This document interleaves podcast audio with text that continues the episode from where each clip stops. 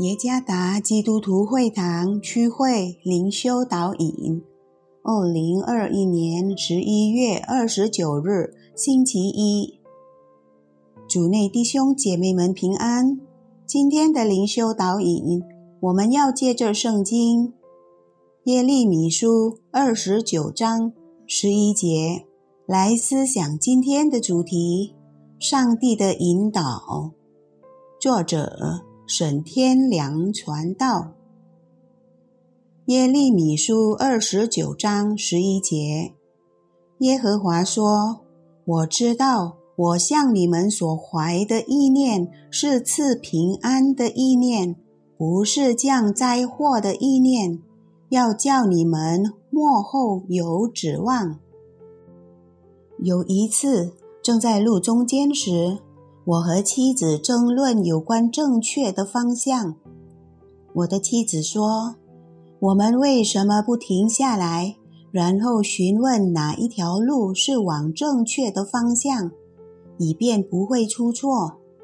我回答说：“不用了，我们在十字路口左转，那边就是我们的目的地。”我的妻子开始犹豫地问道。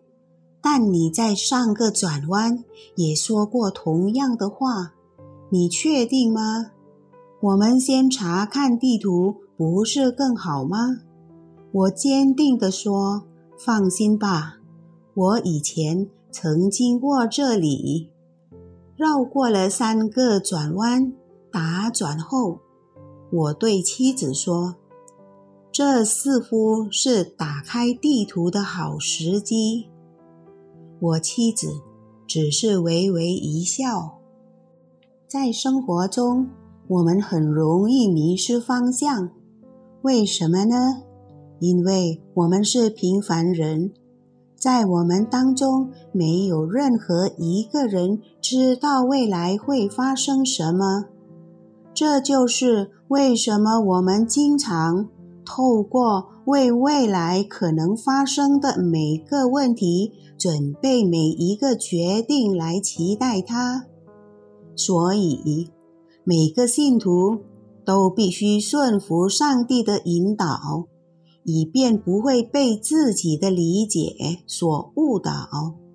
确实，这并不容易，因为上帝并不总是给出明确的方向。然而，请相信。无论道路平坦或崎岖，他都会带领我们向摩西学习。当上帝要他带领以色列人继续旅程时，他祈求上帝的恩典与他们同在。摩西意识到他的弱点和局限，我们也是如此。作为无助的人。我们必须意识到，我们是多么需要上帝的引导。无论我们计划得多么好，上帝的计划仍然是最好的。跟随他的引导吧。主耶稣赐福。